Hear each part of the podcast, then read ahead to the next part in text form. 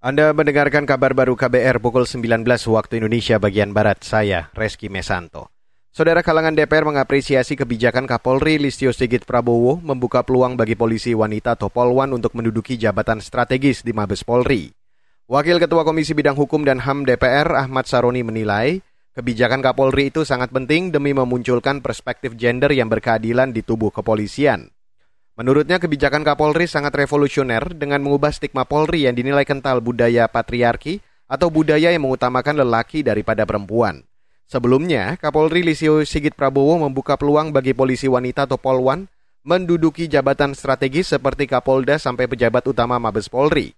Peluang itu disampaikan Kapolri saat memperingati hari jadi ke-74 polisi wanita RI.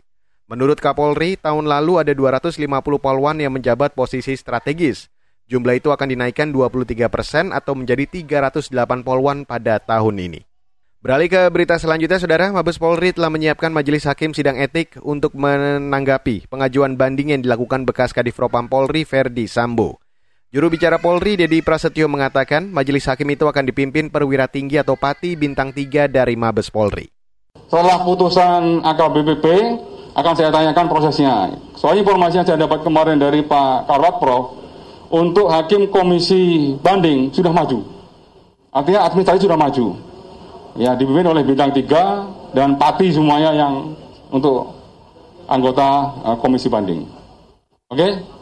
Saudara itu tadi juru bicara Polri Dedi Prasetyo. Sebelumnya sidang Komisi Etik Polri atau KKEP memberhentikan dengan tidak hormat Verdi Sambo tersangka pembunuhan berencana Brigadir Joshua.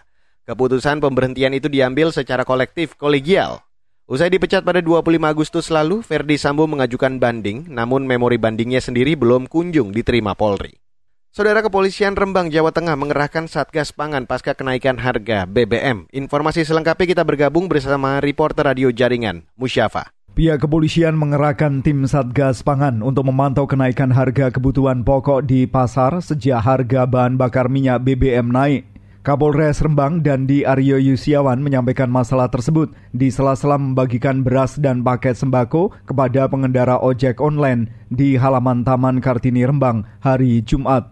Dandi menyatakan polisi bekerja sama dengan dinas terkait ingin memastikan jangan sampai ada pihak-pihak bermain termasuk melakukan penimbunan barang untuk mengeruk keuntungan. Kita sudah komunikasi dengan pemerintah daerah ya pemerintah daerah dengan bupati kemarin juga khusus saya sudah sampaikan nanti reskrim dengan uh, dinas pangan lakukan rutin operasi pasar yang pasti kenaikan mungkin akan terjadi tapi kita berusaha untuk kendalikan uh, tidak tidak terlalu tinggi.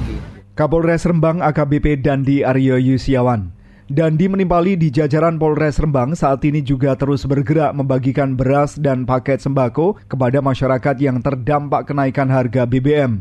Langkah tersebut agar bisa meringankan beban mereka. Musyafa R2B Rembang melaporkan untuk KBR.